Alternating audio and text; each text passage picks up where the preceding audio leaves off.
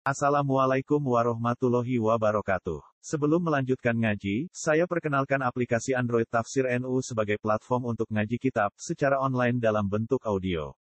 Tafsir NU berisi berbagai kajian kitab kuning dari berbagai ulama NU. Silahkan download aplikasi Tafsir NU di Google Play Store. Link download ada di deskripsi. Wassalamualaikum warahmatullahi wabarakatuh. Qala al-muallif rahimahullah wa nafa'ana bihi wa bi ulumihi bid amin.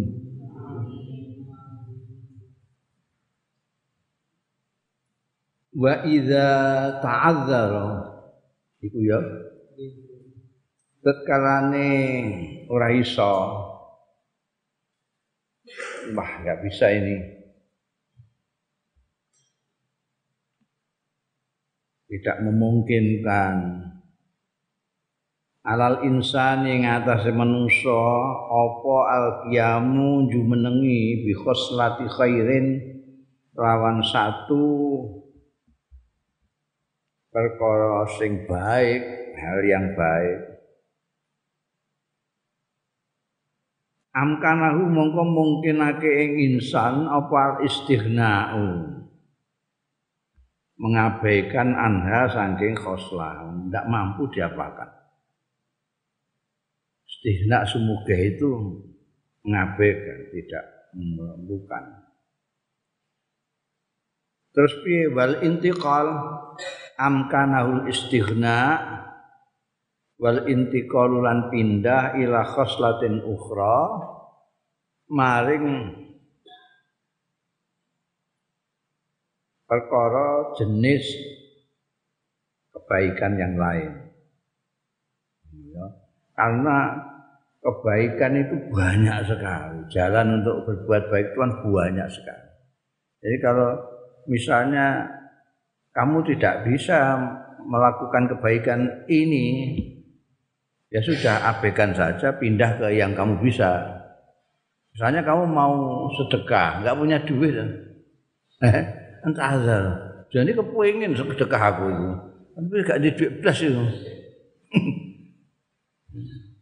Nah, nek mas sedekah ngenteni sedekah itu piye Ya sudah, abaikan itu pindah saja yang kamu bisa.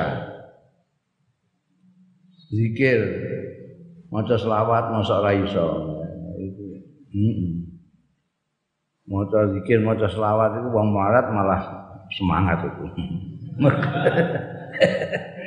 Iya. Rawal Bukhari yang riwayatake sapa Imam Bukhari an Abi Muhammadin saking Abu Muhammad kunyai Abu Muhammad. Asmane Abdullah bin Amr bin Al-As. Ini salah satu abadilah. Jadi ada Abdullah bin Abbas sepupune Kanjeng Nabi, ada Abdullah bin Umar bin Khattab, ada Abdullah bin Amr bin Al-As ini tiga pemuda ini pada zaman itu pemuda. Komputeranya Amnul As. Abdullah bin Abbas putranya Al Abbas. Abdullah bin Umar putranya Umar. Jadi tiga Abdillah ini anak muda ini punya keistimewaan masing-masing. Misalnya Abdullah bin Abbas ahli tafsir. Abdullah bin Umar menguasai ilmu banyak sekali. Abdullah bin Amr bin As ini keistimewaannya adalah hobinya ya, hobinya ngibadah. kowe ya, kayak kowe ya. Delok guyune iki ora Pasok uang sule berarti. Hobi ini ibadah. Jadi apa puasa Ramadan ini kurangan Abdullah bin Amr Iki yang menceritakan hadis ini Abdullah bin Umar Amr bin As ini. Radhiyallahu anhuma anhuma mergo padha sahabate Abdullah ya sahabat Amr bin As ya sahabat Kala ngendika Abdullah bin Amr, kala dawuh sapa Rasulullah sallallahu alaihi wasallam. Arbauna ana patang puluh apane khoslatan macemnya ya.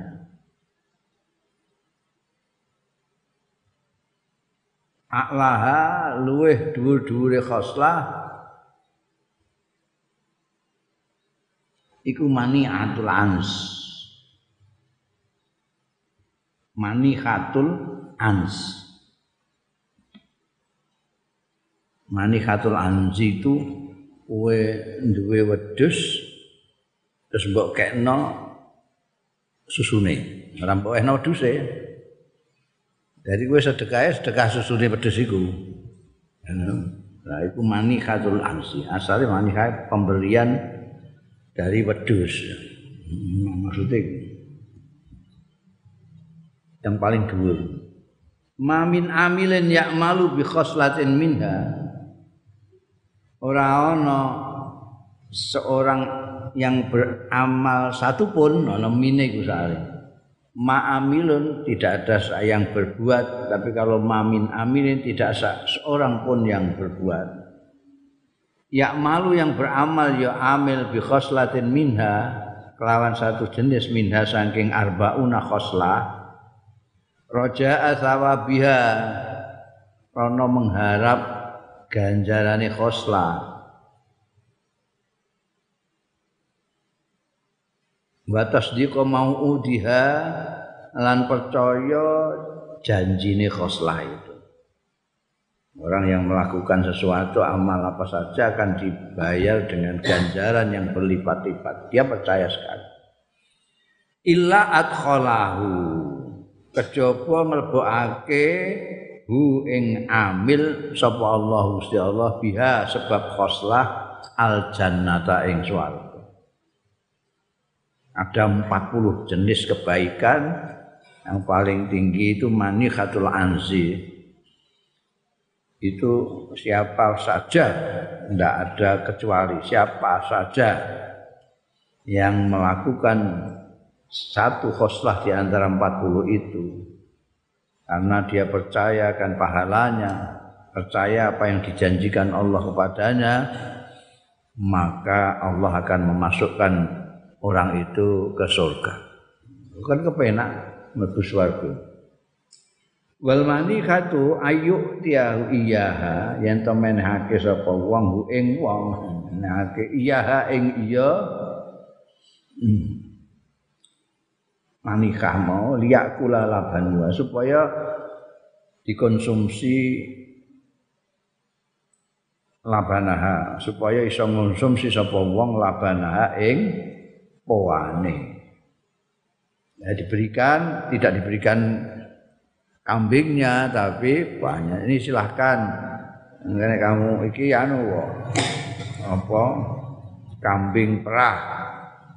Jadi silahkan kamu perah, kamu minum, kamu konsumsi itu apanya poannya, gua balik aku. Sumaya rudha mongko keri-keri balekna sapa wong sing diwenehi ha ing manikah mau ilaihi marang sing menehi. Wal anzu tawi anzu iku unsal mais. Betinanya kambing. nek sing lanang ya mais ngono wae nek anziku sing wedok sing lanang kan gak iso dipoh-pohane sing iso metu susune iku sing betina wa fi hadzal hadis lan iku ana ing iki hadis hadise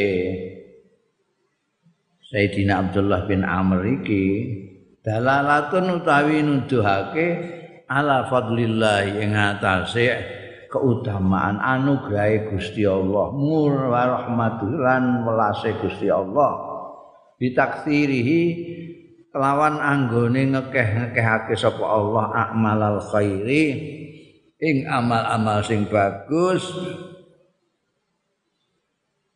wa tanwi'ahalan macam bermacam-macam amal wa qabuli lan anggone nampa Allah maing barang qalla kang kidik ya maminha saking amalul khair. Jadi ada orang kok sampai menentang berani sama Allah itu keterlaluan. Allah itu baiknya begitu rupa sehingga menyediakan kepada kita itu amal-amal baik itu banyak sekali jenisnya dan macam-macam.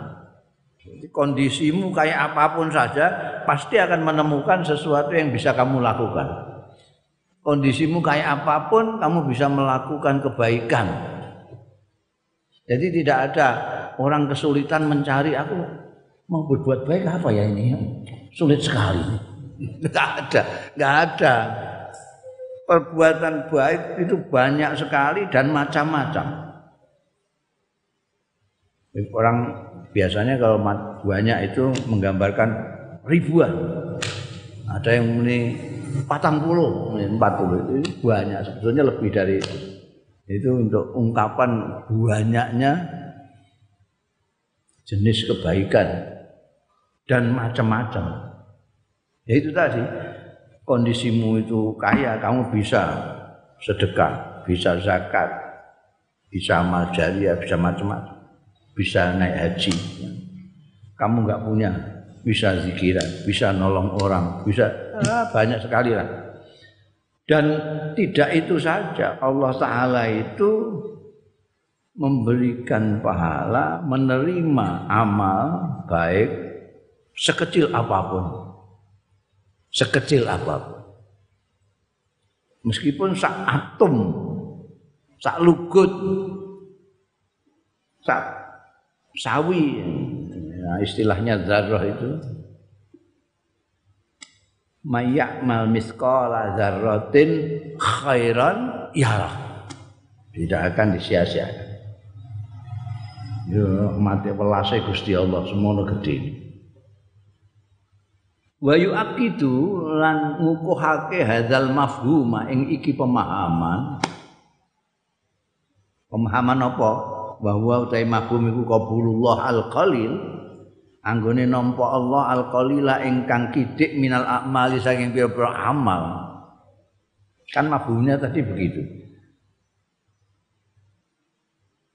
Kecil saja diterima. Mafhume itu kabulullah al-qalil minan amal. Dikuatkan dikokohno wa yu'aqidu hadza ngopo mawarada Hadis sing tumeka ya ma fi sahihaini dalam sahih Bukhari Muslim. Ay dukungane itu ha? Pakai hadis sahih Bukhari Muslim. An Adi ibn Hatimin saking Adi bin Hatim saking sahabat Adi bin Hatim radhiyallahu anhu Kala ngendika sahabat Adi bin Hatim, sami itu mireng sapa ingsun an nabiya ing Kanjeng Nabi sallallahu alaihi wasallam? Tak pireng yakulu ingkang ngendika Kanjeng Nabi ittaqunna walau bisyik kita meratin ini menguatkan mafhum kita tadi pengertian kita bahwa Allah Ta'ala menerima sekecil apa pun amal itu. Niku ana hadis sahih Bukhari Muslim sumber saka Adi bin Hatim Kanjeng Nabi dawuh ittaqu. Takutlah kalian semua. Takwa sira kabeh ngati-ngati yo sira kabeh. Aja ngantek kejegur annara ing neraka. Itakun itu. Jaga dirimu annara ing neraka walau bisik tamratin senajan nglawan secuil tamar. Tamar itu kurma. Parune ngono ae. Mbok kekno wong kamu bisa terhindar dari neraka. Itu kan jadi mudah sekali berbuat baik. Wa fi riwayatin ukhra lan iku kesebut ana ing riwayat liya fi ini juga. Ora coba takok sahih apa dhaif kowe. Mungkin jalile sahih kabeh. Sahih Bukhari Muslim aidan mane mane? Ma minkum min ahadin. Ora ana minkum sing sira kabeh min ahadin seorang pun illa sayukallimuhu rabbu. Kejaba bakal ngendikani ing ahad sapa rabbuhu pengirane ahad laisa bainahu kang ora ana bainahu antarane ahad wa bainahu lan antane rabbahu apa turjumanun? Penerjemah Gusti Allah apa? Paham semua bahasa. Ini ora perlu terjemahan. Wah perlu ya, presiden presiden ngono mesti ana sing ning tengah ngono iku itu terjemahan iki gak nanti tidak ada seorang pun yang dihentikan Gusti Allah itu tidak pakai terjemah. Wayan zuru mongko ningali ahadun aiman, aiman amin. Ing sebelah kanannya ditoleh kanan, tolah-toleh. Oh. Ngendikani Gusti Allah, masa noleh kemen minhu saking ahad. Pala yaro mongko ningali sapa ahad illa ma qaddam. Kejaba barang qaddama sing wis mempersembahkan, melaksanakan, melakukan.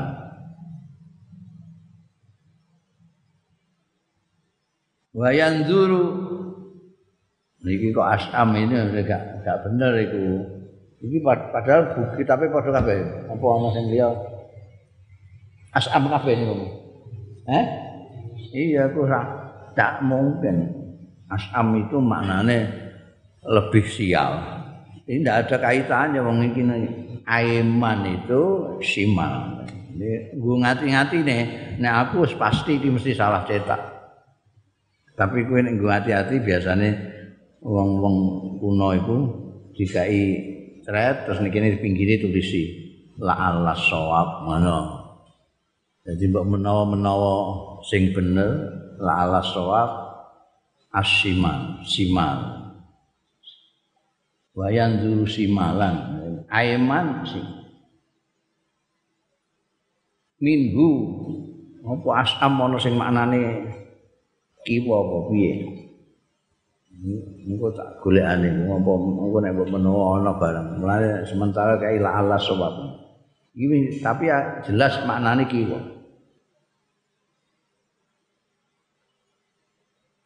Melengak nengen yang ada hanya apa yang pernah dilakukan diperbuat nengok ke kiri yang ada juga hanya yang diperbuat Palayaro mengkora ningali akad illa ma qaddama barang sing wis mempersembahkan melakukan. Wa yanzuru baina yadayhi lan ningali akad baina yadayhi ana ing ngarepe akad. Palayaro mongko ora ningali sapa akal ilan nar. Kejaba geni neraka tilqa awajihi ana ing ngarepe raine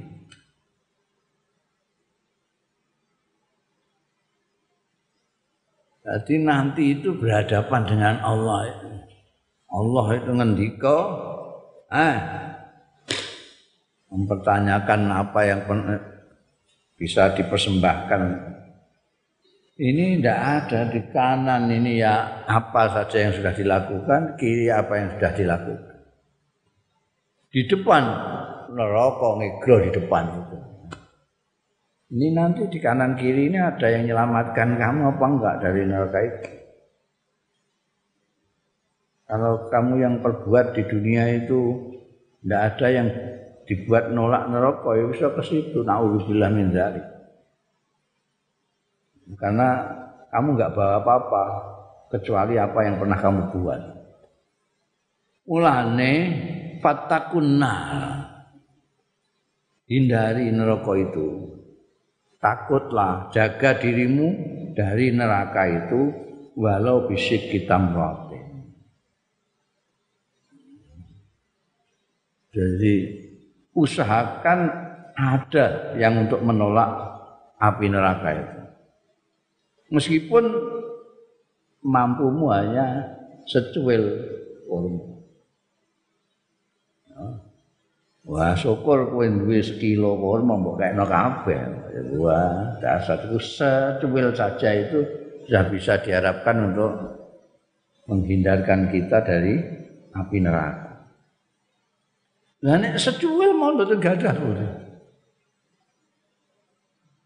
paman lam yajid sapane wong sing ora nemu ya man ora nemu sikit tamratin aja enggak nemu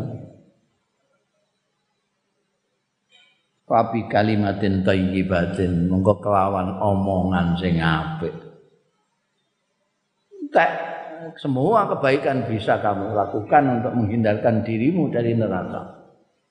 Tinggal mau. Mampu jelas karena banyak warnanya kok. Kalau cuma satu itu kemungkinan ada yang tidak bisa kamu. Dua mungkin juga tidak bisa kamu Misalnya lu mau kaji mbek zakat kowe ora iso karusan. Bukan di duit plus kowe. duit konti kowe. Ah, dua tidak bisa. Tiga tapi nek patang puluh.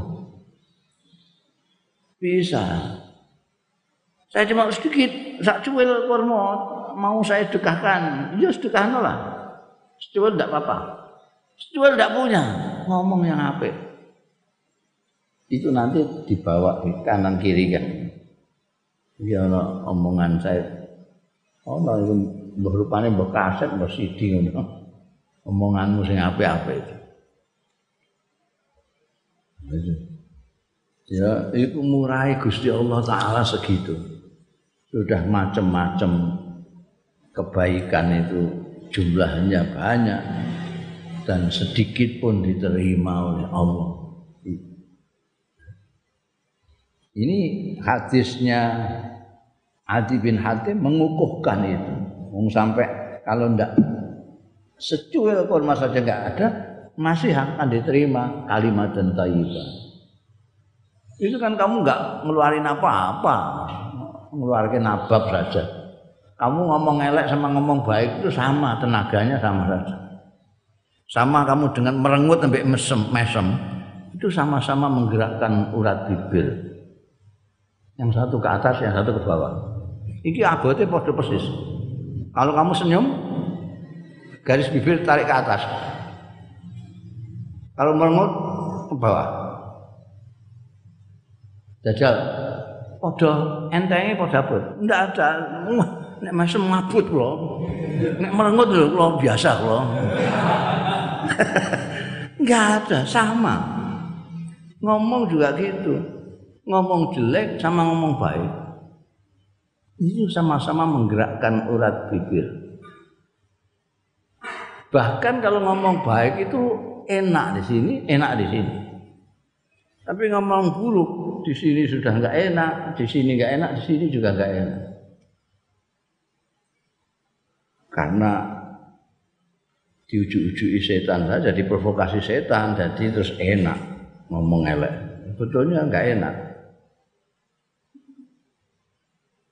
kalimat thayyibah saja ndak bisa. Harus keterlaluan ah kowe keterlaluan. Ngomong apik gak iso. Muni assalamualaikum ngono ngomong apik apa kabarnya ndak sehat ya? Lah itu ngomong apik. Hmm. eh? Ngelem. Wah. Kopukmu apik. Lha ngono ya. Eh? Kowe kok ketok seger. Nah ngono iki ngomong apik. Lho kowe mau sabunmu apa? Kowe tok ganteng lho ngono Nanti mah, eh, kowe kok wangi iki mau nganggo apa? Iki apa sih? Kowe ngomong wong seneng. Omongan bagus ini. Oh, baumu harum sekali. Tadi itu pakai minyak apa kamu? Itu kan podo karo muni. Dalam hal menggerakkan bibir ya, podo karo muni. Penguk ambumu itu. Muni penguk ambumu itu. Senajan penguk tenan nung ratus. Tapi itu kan omongan elek itu, makna ratine. Senajan wonge penguk tenan itu mangkel ini. Penguk ya penguk tapi rasa dikandang-kandang nembong ngono. Mesti ngono.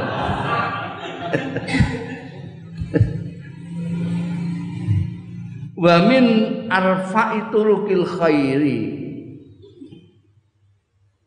utawi lan iku termasuk.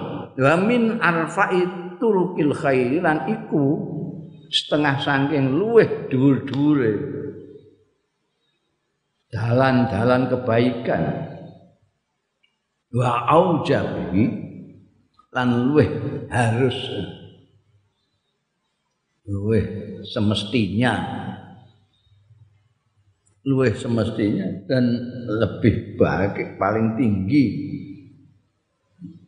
Syukrul maula utawi nyukuri Gusti Allah bendoro pangeran azza wa jalla alama ing atase barang an'ama sing paring nikmat sapa maula alaina ing atase kita min ni'amin saking nikmat-nikmat kasiratin sing akeh latu addu kang ora iso diitung wala tuhsa lan ora iso diwilang paling tinggi mensyukuri nikmat-nikmat paringane Gusti Allah taala. Lah apa coba kamu bisa ngitung nikmatnya Allah? Enggak bisa.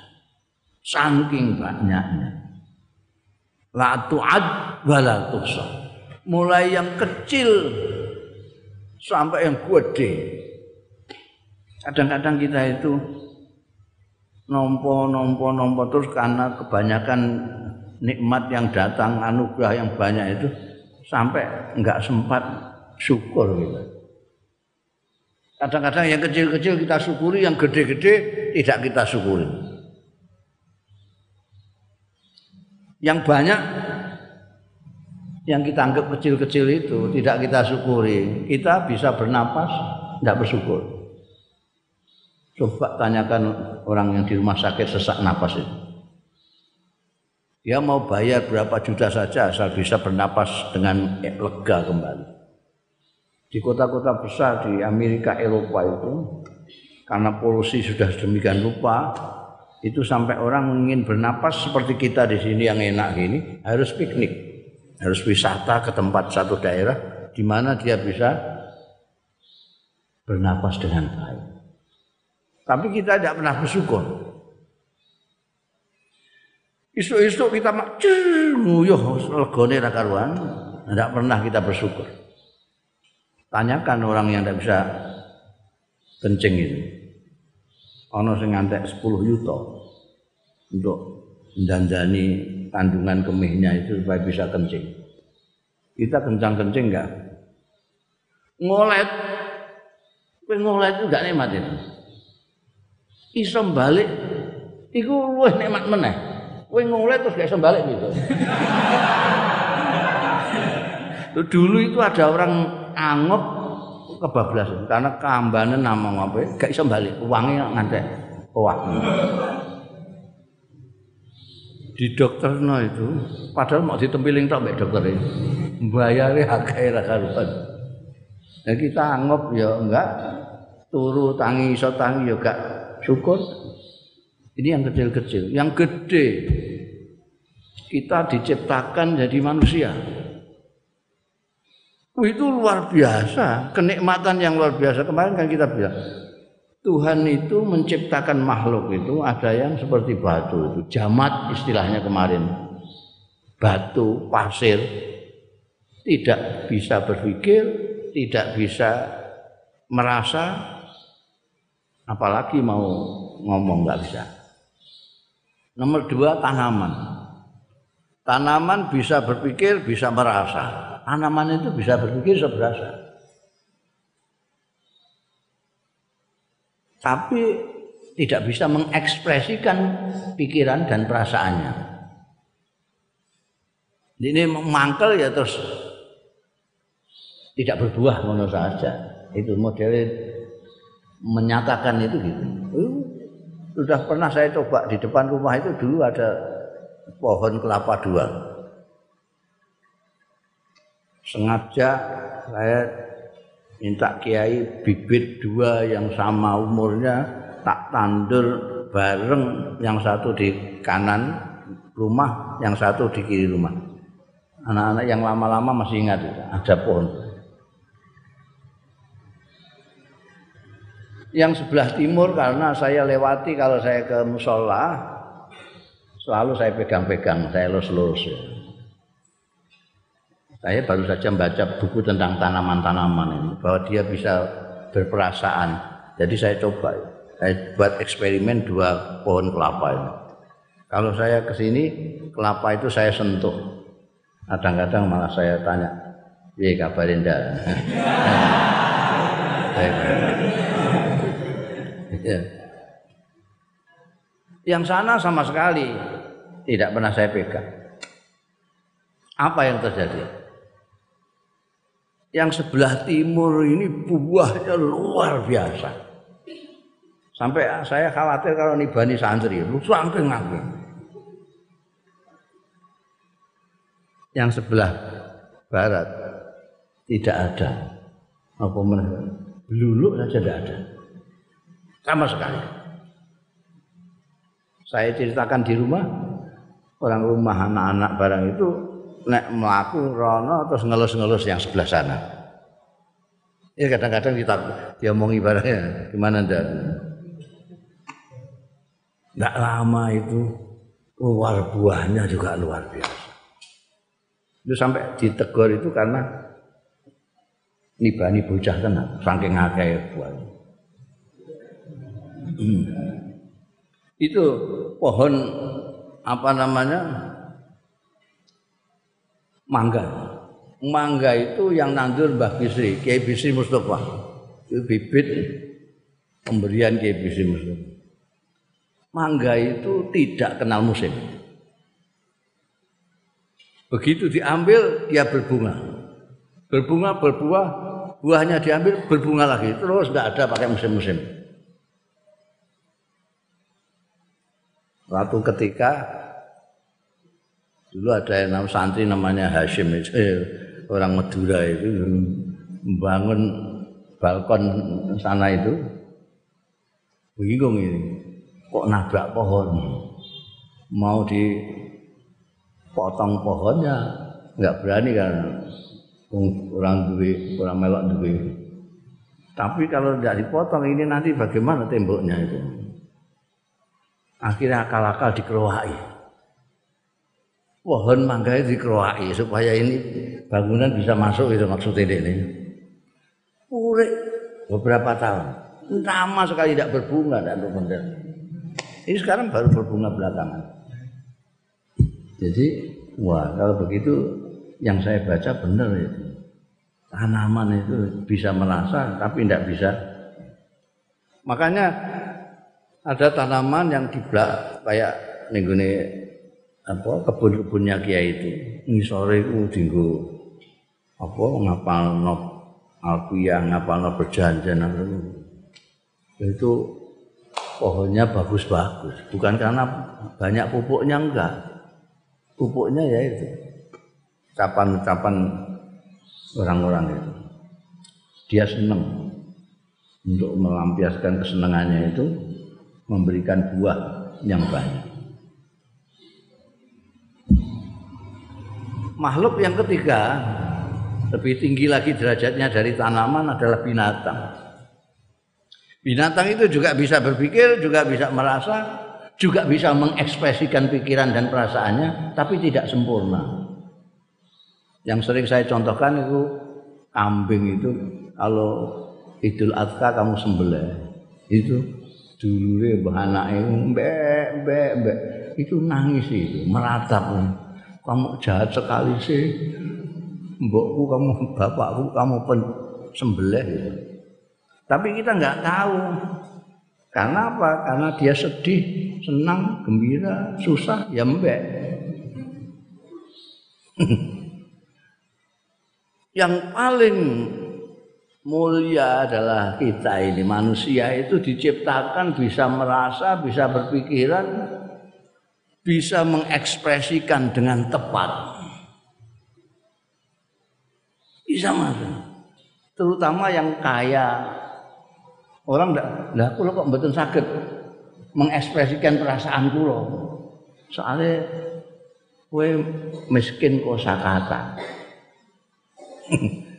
Kalau kamu kaya kosakata, apa saja yang kamu rasakan bisa kamu keluarkan. Lihat saja itu sastrawan-sastrawan ini. Kadang-kadang kita membaca itu, wah yuk kayak aku, saya tak karepmu yang ini iki karepmu iku. Nah, mengungkapkan cintaku. Iki ya, iki aku perasaanku ngene iki. Lah kok gak ngomong nek ini ini. Karo ya. Karena kekurangan kosakata. Nah kalau kan bisa bahasa Arab, wah lebih lagi kos bahasa Arab itu nuansa-nuansa itu ada bahasanya semua kok. Seperti yang sering saya contohkan, jalasa sama kok ada, sama-sama duduk. Itu kalau di Arab beda. Jalasa itu duduk dari tiduran. Kalau kamu kawanmu tiduran itu duduk, itu ijlis, baru duduk. Kalau kok ada, itu dari berdiri ke duduk. Orang berdiri sampai kamu suruh duduk, oh duduklah. Jadi bisa. Nah ini kan enggak. Kadang-kadang bukan kamu yang kekurangan kosakata, tapi kosakata kita, bahasa kita memang ya kurang. Mungkin untuk rasa saja itu ada manis, ada kecut, ada sepet, ada pengal, ada gurih, ada apa lagi? Kalau satu makanan itu rasanya macam-macam, kamu nggak bisa menjelaskan. Rasanya bi rasanya itu. Bagaimana gitu? Ini karena kekurangan kosakata. Tapi intinya manusia itu diberi kemampuan oleh Allah. Bisa berpikir bisa berperasaan bisa menyampaikan perasaan dan pikirannya. Sai-saisan sak duwene kosakata ini kenikmatan yang luar biasa. Kenikmatan ini tidak pernah kita syukuri. Paling-paling kita kalau sembahyang baca Alhamdulillah 33 kali kalau sempat. Tapi tidak hanya Alhamdulillah, Alhamdulillah itu tak syukur itu. Syukur itu yang benar adalah menggunakan anugerah yang diparingkan itu sesuai dengan yang seharusnya.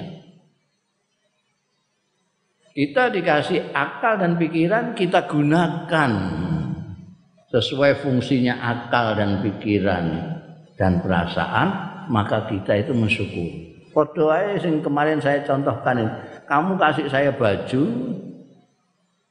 mahal, saya berterima kasih terus, tapi baju mahalmu itu saya buat ngelapi meja ngelapi sepeda. Makasih ya. Kok baik hati kamu. Tapi sambil begini ini kamu seneng apa kepengen ngeplak itu? Oh, terima kasih terima kasih. Sambil diremehkan gitu pemberian saya. Sebaliknya kalau baju kamu itu meskipun tidak mahal tapi saya pakai terus.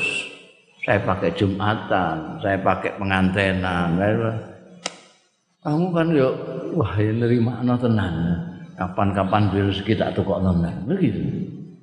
La nakum. La in syakartum la azidan. Kalau kita dikasih akal pikiran dan nurani kita pakai, kita berarti mensyukuri apa yang diparingkan Allah Ta'ala.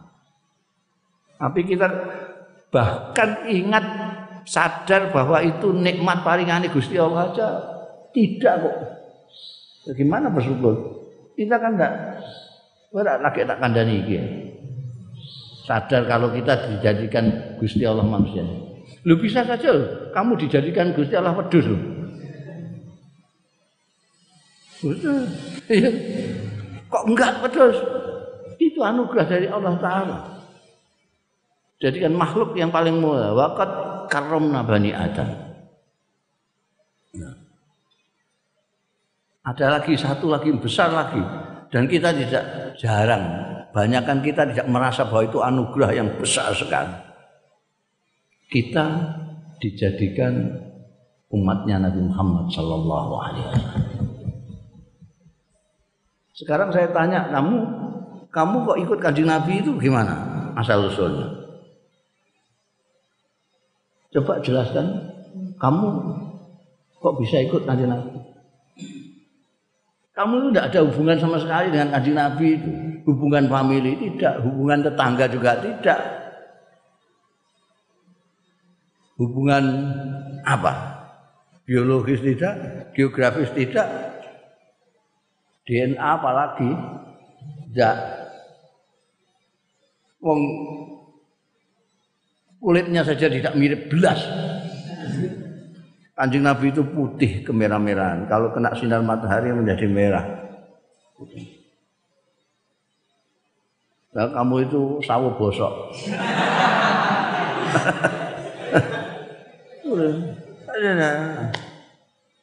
Tetangga tidak Anda. Kok bisa? Mbok jawab, soalnya kiai kula niku wah hebat banget niku. Kiai kula niku sing mbah-mbah kula barang niku di ditelukno kalih kiai niku. Mbah niku hebat. Hmm. Sekarang pikirin. Ada orang dekatnya dengan Rasulullah Shallallahu Alaihi Wasallam tidak ada yang bandingi, tidak ada yang membanding. Orang paling dekat dengan Rasulullah Shallallahu Alaihi Wasallam karena memang rumahnya dekat. Wong Jawa mengatakan tonggo pet.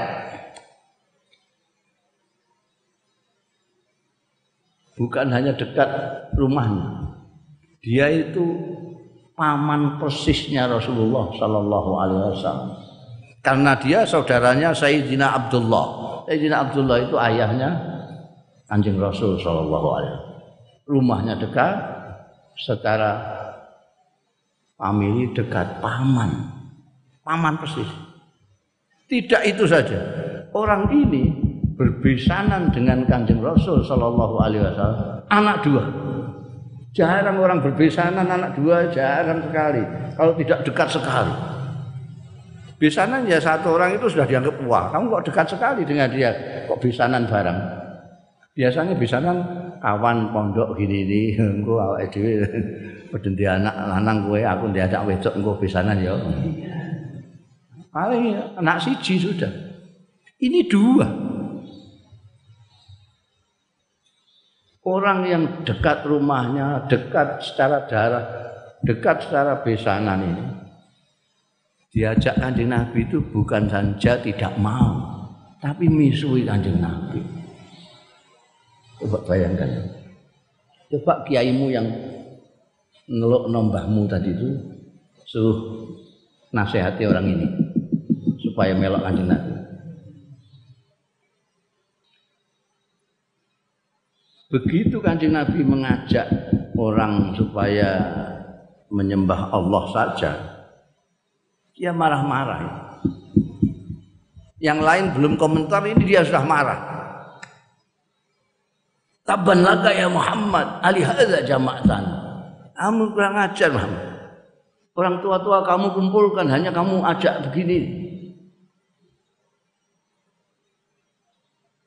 Tuhan banyak-banyak kok kamu jadikan satu tok itu gimana?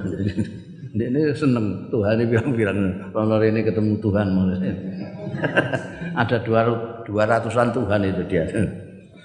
Kanjeng Nabi supaya menunjukkan, membuktikan bahwa Tuhan itu cuma satu. Marah-marah. Dia bilang taban taban, taban itu pisuan. Bisa jancuk, bisa apa, pokoknya tak pisuan taban itu. Dibalas oleh kekasihnya Kanjeng Rasul sallallahu alaihi wasallam. Tabat yada Abi Lahab. Julukannya Abu Lahab, namanya Abdul Uzza, itu saudaranya Abdullah. Saudaranya Al Abbas. Saudaranya Abu Talib. Pamannya Kanjeng Nabi, besanan anak dua, dia punya anak namanya Utbah dan Utaibah dikaitkan dengan Sayyidatina Ruqayyah dan Sayyidatina Ummi Kulsum. Begitu turun ayat tabat yada Abi Lahab, anaknya dua Utbah dan Utaibah dipanggil. Ceraikan istri-istri kalian. Kalau tidak, tidak aku akui jadi anak. Diceraikan. Jadi Ruqayyah dan Umi Kulsum dikawin oleh Sayyidina Usman, Sayyidina Usman itu janda bekas menantunya Abu Lahab. Ruqayyah kemudian dikawin oleh Sayyidina Utsman, Ruqayyah pada waktu zaman perang Badar kapundut Sayyidina Utsman ngeduni cara Jawane Sayyidatina Umi Kulsum. Makanya Sayyidina Utsman disebut Zunnurain, mempunyai nur dua karena mengawini dua putrinya Kanjeng Rasul sallallahu alaihi wasallam.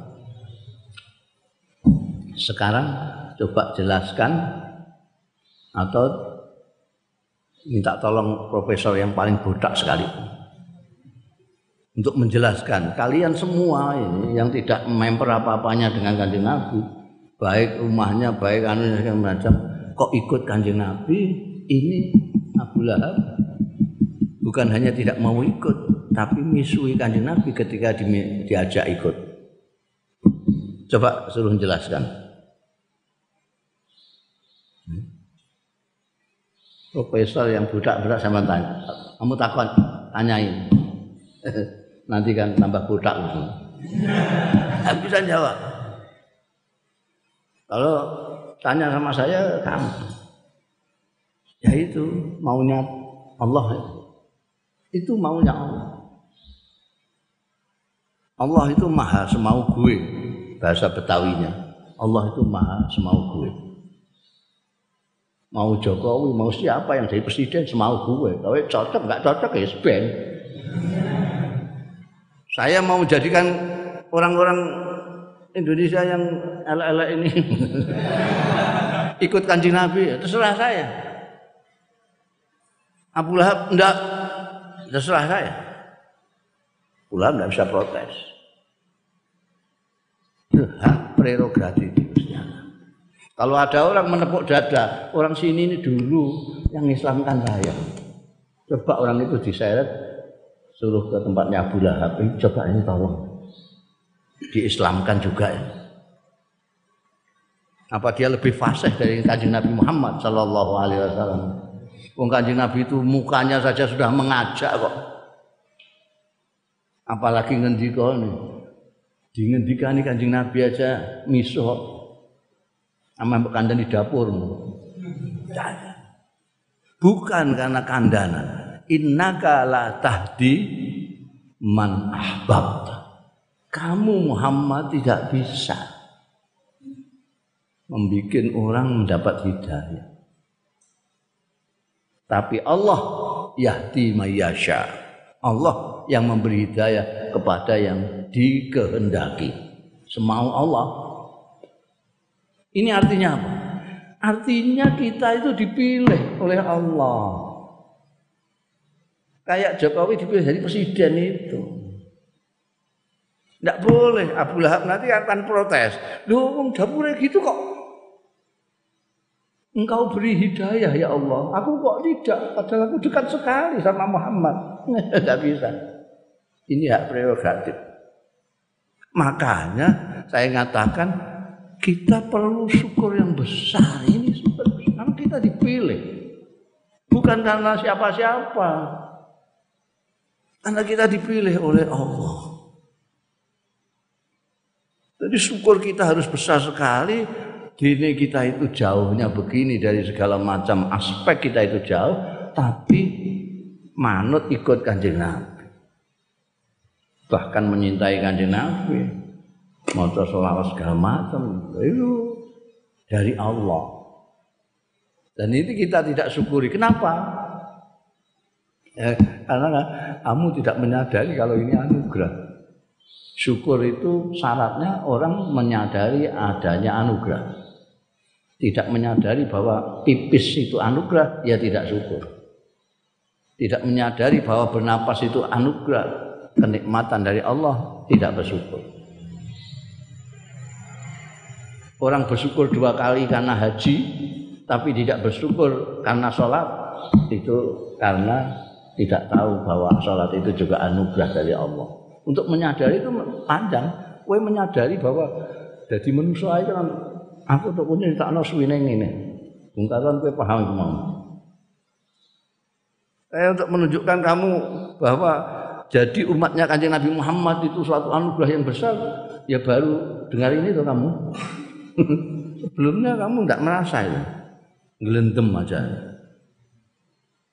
Lah caranya mensyukuri bagaimana? Ya kita jaga. Apa yang diberikan Allah itu yaitu hidayah untuk ikut kanjeng Nabi, ya kita ikuti jalan-jalannya kanjeng Nabi. Itu syukur kita. Mau contoh lagi, Allah itu anugerahnya luar biasa banyak.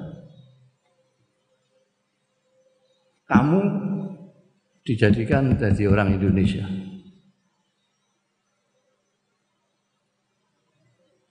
Itu anugerah besar sekali. Banyak sekali orang yang kepingin. Kamu kalau tidak percaya, survei saja. Berapa banyak orang-orang asing yang tinggal di Indonesia Belum yang kepingin tapi kondisinya tidak memungkinkan.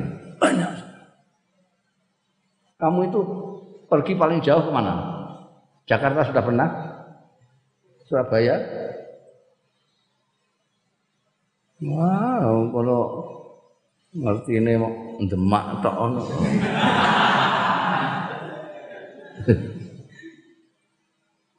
Saya itu sudah ke Eropa, mubeng mulai Jerman sampai Spanyol, udah ke Amerika Serikat. Washington DC, Gedung Putih sudah, ke Jepang sudah, ke Korea sudah, ke Taiwan sudah, Timur Tengah apalagi Timur Tengah. Mesir, Irak, Syria dan terus sudah. Setiap kali saya di negara itu, saya selalu ingat Indonesia. Kenapa? Karena di sana nggak enak kabeh. Teringat enaknya di sini. Di sana itu mempunyai empat musim.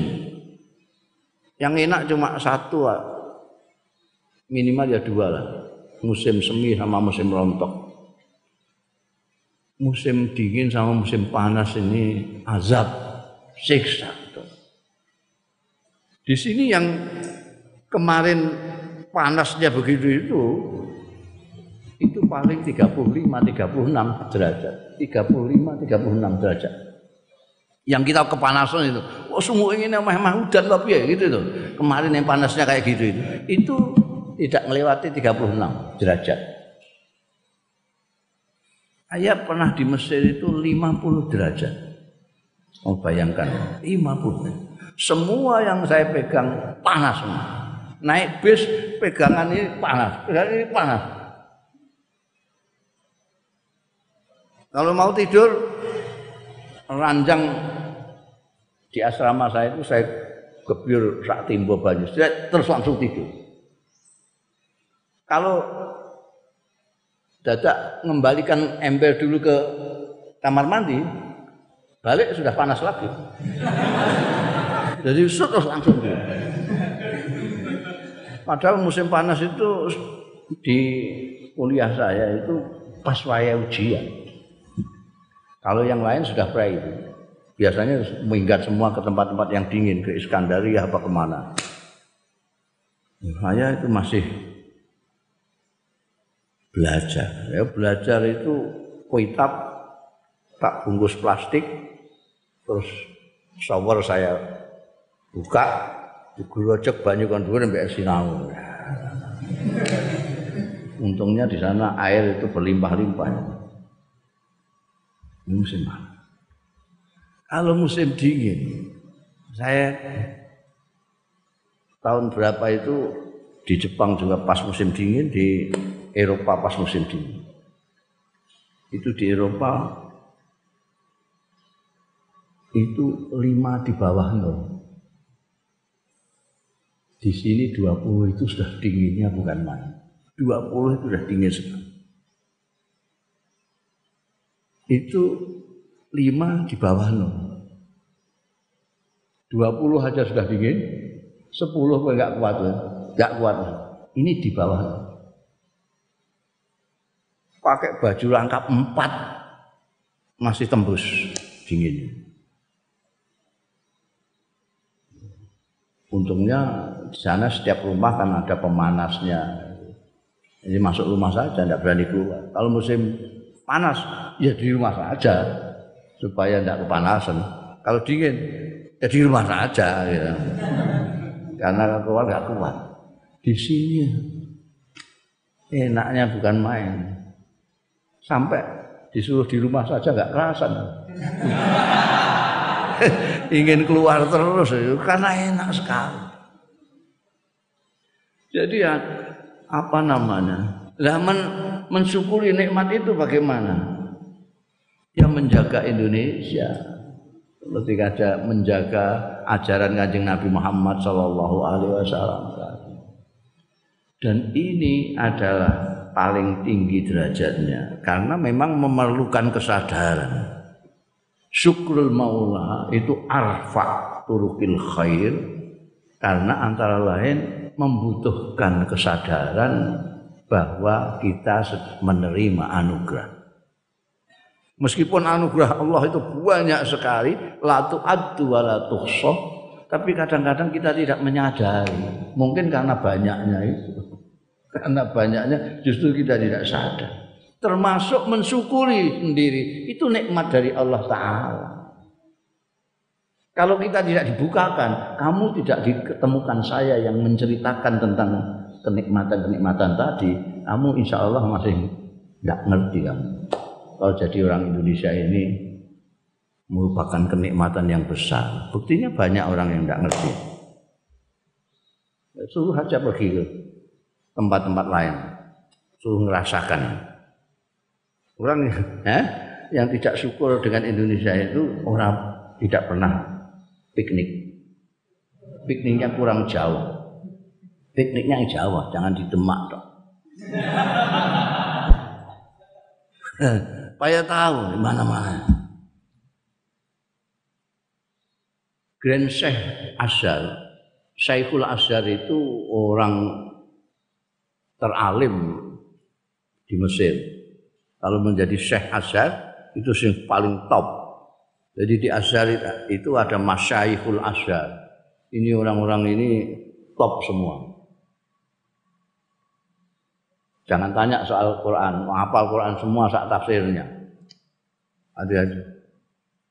Kitab-kitab itu kalau bagian dia tak kasusnya fikih dia hafal semua sampai al-umnya Imam Syafi'i apa? Kalau bidangnya dia tafsir, semua tafsir. Masyaikhul Azhar. Kepalanya Masyaikhul Azhar ini namanya Syekhul Azhar. Jadi kalau pemerintah mau mengangkat menteri agama segala macam, itu konsultasinya sama Syekhul Azhar. Siapa kira-kira? Kodi apa di bawah Kodi Mufti di bawah Syekhul Azhar. Dulu ada Syekhul Azhar yang sangat terkenal. Sangat terkenal karena alimnya bukan main. Namanya Syekh Saltut. Syekh Saltut. Kalau sekarang Syekh Tayyib itu. Dulu yang terkenal antara lain Syekh semua banyak sekali itu kalau Masyayul Azhar itu. Syekh Abdul Halim Mahmud.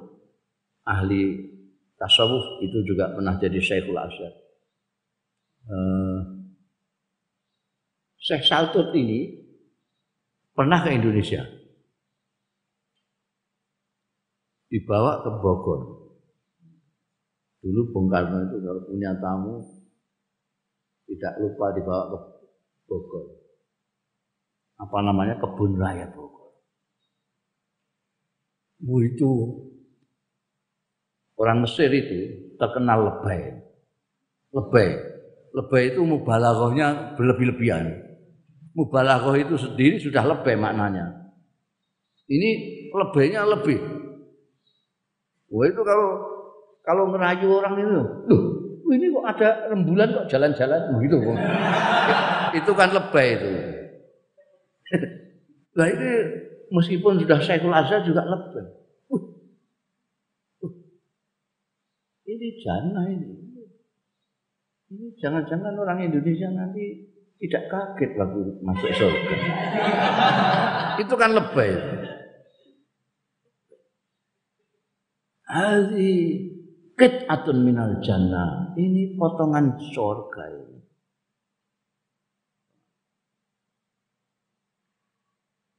Indonesia itu kalau ada orang kelaparan itu saking bodohnya. Wong oyot saja, akar saja bisa digodok, bisa jadi gedok. Akar itu bisa jadi gedok di Indonesia ini. Hmm. Digawe jemblem ya iso, digawe gedok bisa. Kalau tidak ada apa-apa, itu kamu ngalah sedikit, ambil jadat, jadat itu apa? Bahasa Indonesia ya. Apa? Jadat itu, jarum apa? Sing diku jadat itu. Kamu biasanya bisa bahasa Indonesia. Apa? Jadat itu. Peniti, ah, peniti. Ambil peniti, terus diginikan agak sebingkok anak sedikit terus kasih benang penitinya ini yang tajamnya dikasih upo lemparkan ke lautan. Ceret ceret untuk iwak gatel. Kali dua kali tiga kali lima kali baru makan. Kalau enggak bawa obor malam-malam nanti bawa obor jalan mulai Taman Kartini di pinggir laut itu. Oh sampai kabungan oh, itu kalau tidak dapat rajungan ya dapat dem-dempo oh itu kalau dapat sak kendil gitu aja kuat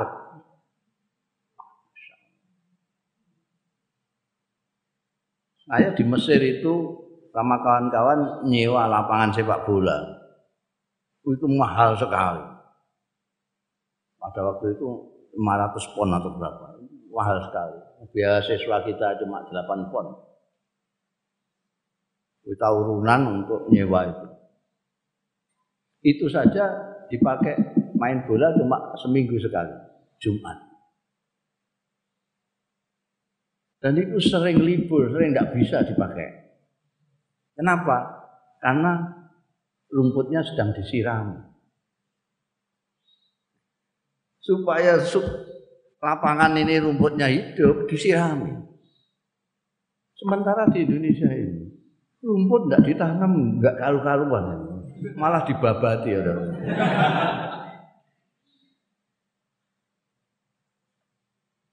Sekarang kalau kamu nanti ke Arafah, di sana ada pohon-pohon banyak atau melihat di TV itu pohon-pohon banyak.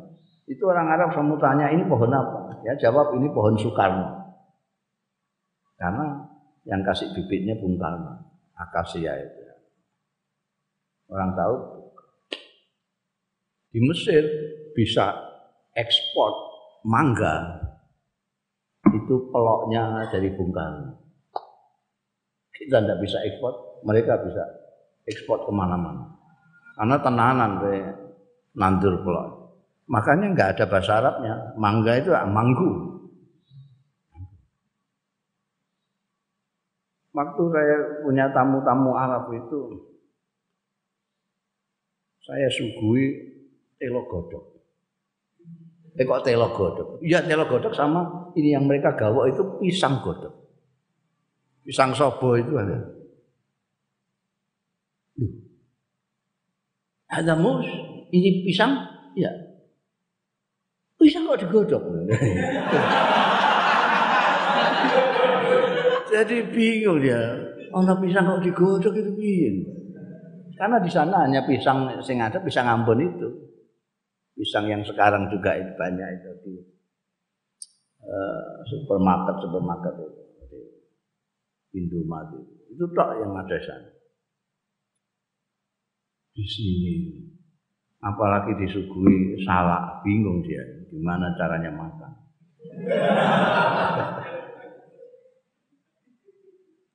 Coba hitung berapa banyak itu buah-buahan di Indonesia. Di sana paling anggur, korma, delima itu. Anggur, korma, delima. Zaitun itu juga paitera kawan. Pita itu ratusan, mungkin malah ribuan jenis. Ono rambutan, ono aceh, ono duku, ana langsep, ana macam-macam, ana kersen. Luar biasa. Dan kita kok tidak mensyukuri itu itu luar biasa. Paringannya Gusti Allah. Dan orang tidak bisa meminta tidak bisa. Itu kemauan Allah. Kemauan Allah. Londo ngeblok sini sampai ratusan tahun. Karena di sana nggak kerasan di negara dewi. Negaranya kayak gitu. Kalau dingin dinginnya bukan main, kalau panas panasnya bukan main. Mau uplik. Gara-gara baru kayak Indonesia, dia bisa meluaskan negaranya. Duit ke Indonesia dibuat apa namanya reklamasi itu apa? Ngumbuk segoro. Segoro diumbuk diumbuk biar negaranya rada ombo. Itu duit ke Indonesia. Ratusan tahun yang Indonesia. Orang Indonesia sendiri kok nggak syukur itu ya karena tidak menyadari malah apa aneh rusak Indonesia barang itu gobloknya murapat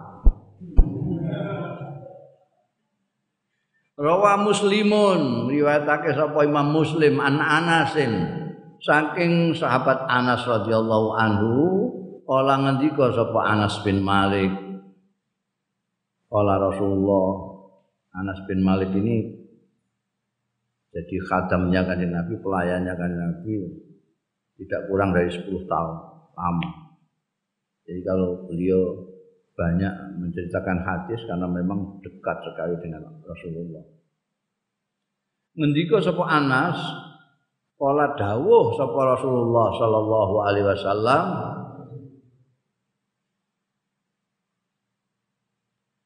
Inna Allah sak temene Gusti Allah layaldo yakti ridho seneng puas berkenan anil abdi sanging kawula ayak kula enento mangan sapa ab? Al aklata ing makanan apa itu sarapan apa itu maksi atau itu makmal itu aklah. Sekali makan itu bisa pagi sarapan siang makan siang malam makan malam. Aklah. Gusti Allah itu ridho sekali dengan kalau dia makan satu makanan payah maduhu mongko muji bersyukur. Muji sapa abdu hu ing Allah taala alaiha ing atase aklah. Au yasrob atau dia minum abet itu asyurbata ing sak ombenan. Payah madu. Mongko ngelembono sapa abduhu ing Allah alaiha ing atase syurga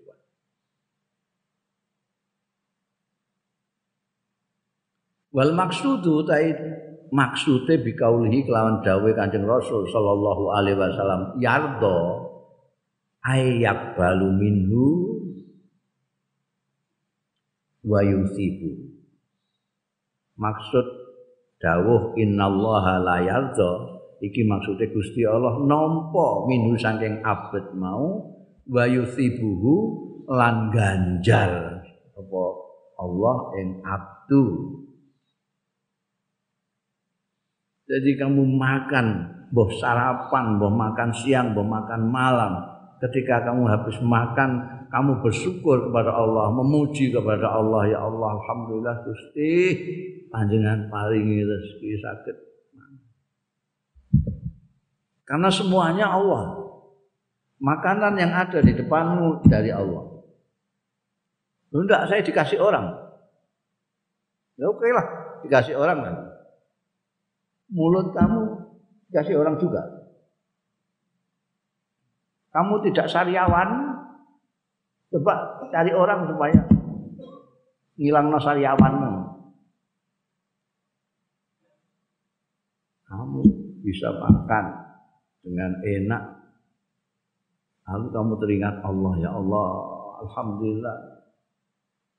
Engkau beri aku rezeki makan, dan aku bisa sehat. Alhamdulillah. Ini Allah ridho sekali. Berkenan sekali. Dan akan mengganjar kamu yang mensyukuri anugerahnya itu. Wa fi hadzal ing dalam iki hadis hadis yang bersumber dari sahabat Anas bin Malik iki. Al hasu utawi nganjurake ala syukrillah ing atase nyukuri Gusti Allah azza wa jalla. Ala kathirin ing atase akeh min ni'ami saking nikmat-nikmate Allah. Nikmatnya Allah banyak sekali. Minimal orang itu kalau sulit mensyukuri nikmatnya karena banyaknya itu salat salat itu sebagai gantinya mensyukuri semua yang kadang-kadang kita sadari atau tidak kita sadari. Jadi orang yang tidak sholat itu orang yang tidak tahu berterima kasih, tidak bersyukur sama sekali. Wa anna syukra lan setuhune syukur iku tariqun najati wal qabul merupakan jalan keselamatan wal qabuli dan diterima. Kalau kamu diberi kenikmatan kamu bersyukur berarti kamu itu diterima.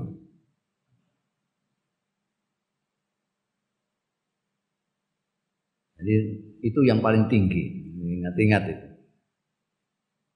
Jalan kebaikan yang paling tinggi yang paling harus kamu lakukan jangan sampai tidak itu adalah mensyukur mensyukuri nikmat-nikmat palingannya Allah Subhanahu wa memuji Allah. Makanya Anjing Rasul Shallallahu Alaihi Wasallam dan kemudian para sahabat, kemudian tabiin, tabiin, tabiin, ulama-ulama sampai sekarang itu kalau mau ngomong, mau pidato, mau mesti Alhamdulillahirabbil alamin itu itu sebagai rasa syukur. Bisa ngomong juga Allah, bisa syukur juga Allah wal amalu takassubi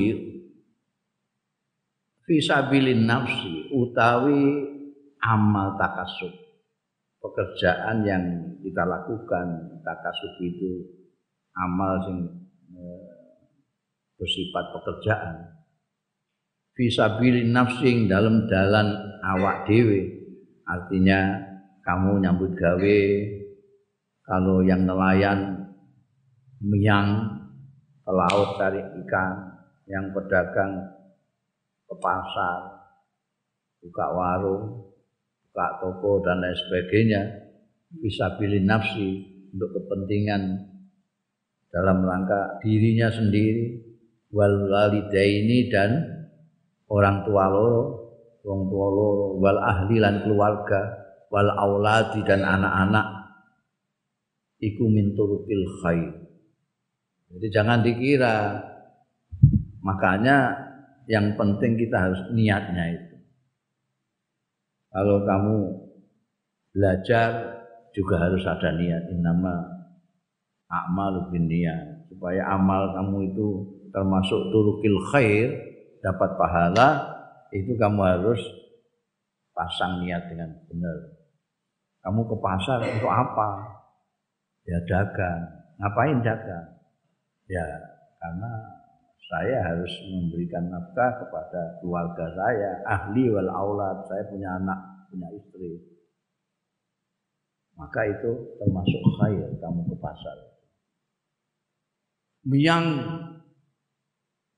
melaut, melaut dari ikan, enggak begitu. Karena itu takasub fisabilin nafsi wal ahli wal aulad. Mencari nafkah untuk diri dan keluarganya. Itu termasuk apa namanya? khair. Wa kadzalika tajannubu syururi wal atham. Itu juga turukul khair. Wa kadzalika laniku kaya mengkono-mengkono amal takasubi tajannubu syurur utawi ngedoi kejahatan-kejahatan wal athami dosa-dosa itu juga termasuk khair.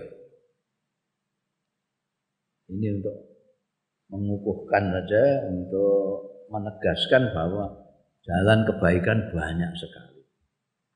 Kalau tidak bisa amal takasufi, menghindari kejahatan itu juga khair. Wonten dalu ya, ana. Warada tumeka fi sahihaini ing dalam sahih Bukhari Muslim an Abi Musa Al As'ari saking sahabat Abi Musa Al As'ari radhiyallahu anhu anin Nabi saking Kanjeng Nabi sallallahu alaihi wasallam Kala dawuh sapa Kanjeng Nabi ala kulli muslimin sedekah. Iku wajib ing atase saben-saben wong muslim sedekah utai sedekah. Setiap orang muslim harus sedekah. Harus sedekah. Qala ara'aita illam yajid Matur sapu Abu Musa al-Asari ara'aita tapi ngendikani kula ilam yajid menawi mboten nemu sing ngajeng disedekahke sepundi. Kala dawuh sapa Rasulullah sallallahu alaihi wasallam, ya'mal biyadai. Ya'mal biyadai. Nyambut gawe nganggo tangan lorone. Nukang apa nih? Eh? Nukang ngelas apa bengkel sing nganggo tangan termasuk becak bareng. Payang kau mongko manfaati amale mau nafsu ing awak dhewe ne ulu muslimin wa yatasaddaqu sedekah. Yang ngamal apa yang bisa dilakukan. Nukang, bengkel segala macam lah sampai dia dapat lalu bisa bersedekah. Qala ara'aita illam yastati. Bisa takok ae apa sahabat ya Abu Musa. Araita itu tapi ngendikani kula araita itu. Akhbirni, araita itu akhbir. Ilam yasate. Lamun mboten mampu tiang meh nyambut gawe napa mboten saged. Nukang mboten saged bengkel napa malih. Pokoke mboten saged lah. Kala dawuh sapa Kanjeng Rasul sallallahu alaihi wasallam. Ya nek gak iso ya yu'inu zal hajati. Istilahnya ning ngene kene mendarat. Yu'inu bantu zal hajati sing duwe kajat al malhufi sing butuh. Oh, ning kono ana digawe melok mendarat, mendarat apa jeneng bahasa Indonesia apa mendarat itu. Nah, ini kene istilahnya mendarat. Eh? melok apa jenenge usung-usung kursi, melok masang padi-padi, bangsa ning ngono kuwi lho, apa iku jenenge? Ini jenenge mendarat. Kok mendarat kayak bahasa Indonesia pesawat terbang aja. apa? Eh, ning apa? Apa namanya? Jadi ini ada orang punya gawe, terus kamu ke sana ikut-ikut lah. Apa yang bisa saya bantu? Oh itu itu goreng anu brambang kan. Ana sing goreng brambang. Apa jenenge? Hah? Rewang. Rewang itu bahasa Indonesia, apa bahasa Jawa? Bahasa Jawa, rewang. Tidak takutnya bahasa Indonesia, rewang. Itu rewang. Rewang dari kata-kata ngerewangi. Ngerewangi bahasa Arab yu'inu. Yu'inu itu ngerewangi. Zal hajat Orang yang punya hajat punya hajat itu tetep ra iso. Wong iki piye? Kala araita tapi panjenengan dekani kula ilam yastatik menawi mboten saged. Ngrewangi sing gadah kajat nggih mboten saged. Ya wis saiki kala ya'muru bil ma'ruf. Perintah perintah kulo muslimin perintah bil ma'ruf. Au al khair sakun minar rawi apa ya'muru bil ma'ruf apa ya'muru bil khair maknane hampir sama khair lebih umum dari ma'ruf nek gak iso apa-apa ya perintah Gak iso nyambut gawe gak iso. Bantu-bantu ya gak iso karena itu membutuhkan tenaga. Ya wis kowe kayak mandor ae kongkan kongko. Eh kowe kowe ngono ya mulu bil ma'ruf. Wah ya.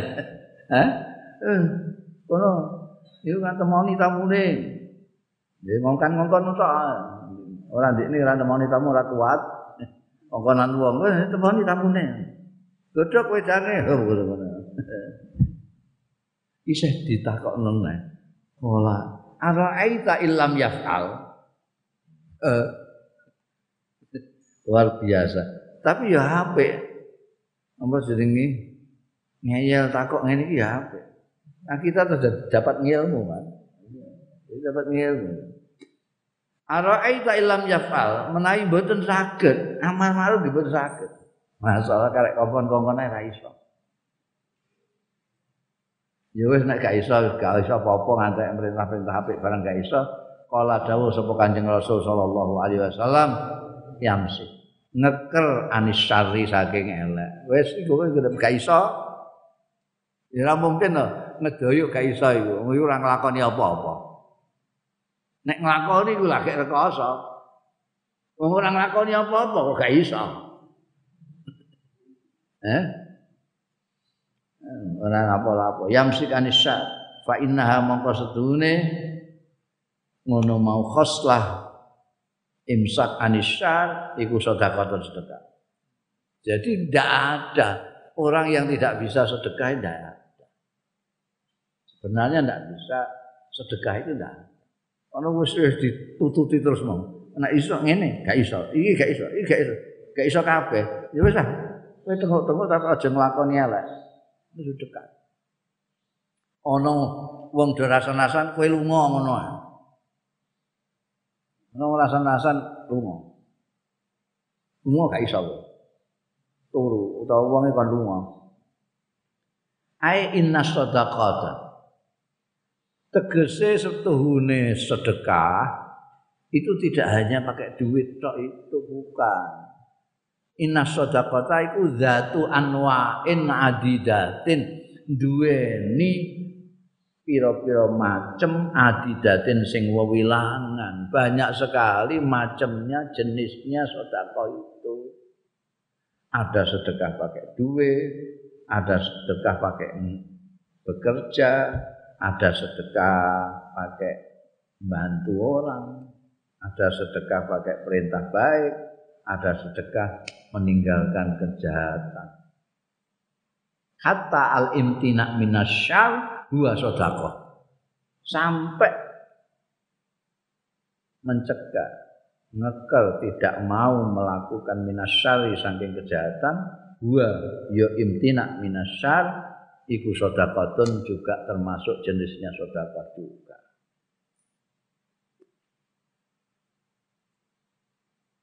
turukul khairi utawi dalan-dalane kebaikan. Hadi iki iku yaltaki fiha ketemu fiha ing dalam turukul khair apa Al-Qur'anul Karim Quran sing mulya was sunnatul sunnah. Nah, jadi dalile Quran hadis lah orang apa nih gue wa yukamilu lan nyempurnakno apa ba'du ba'dua sebagian ayat lan sunnah mau ba'dan ing sebagian yang lain. Jadi Quran dan sunnah saling menyempurnakan untuk memberitahukan kita bahwa jalannya keapian itu, jalannya kebaikan itu banyak dan bermacam-macam. Litarbiyatil insan bil ikdam alal khair. Kenapa kok Quran dan sunnah itu saling mendukung, saling memperkuat untuk menyatakan bahwa jalan-jalan kebaikan itu banyak dan berwarna-warna? Lital biatil insan. Untuk mendidik manusia bil ikdami agar mau melakukan alal khairi yang atasnya kebaikan sesuai apa sajalah kemampuannya.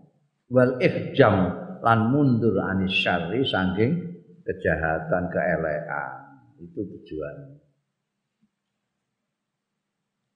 Adaul amanah wallahu alam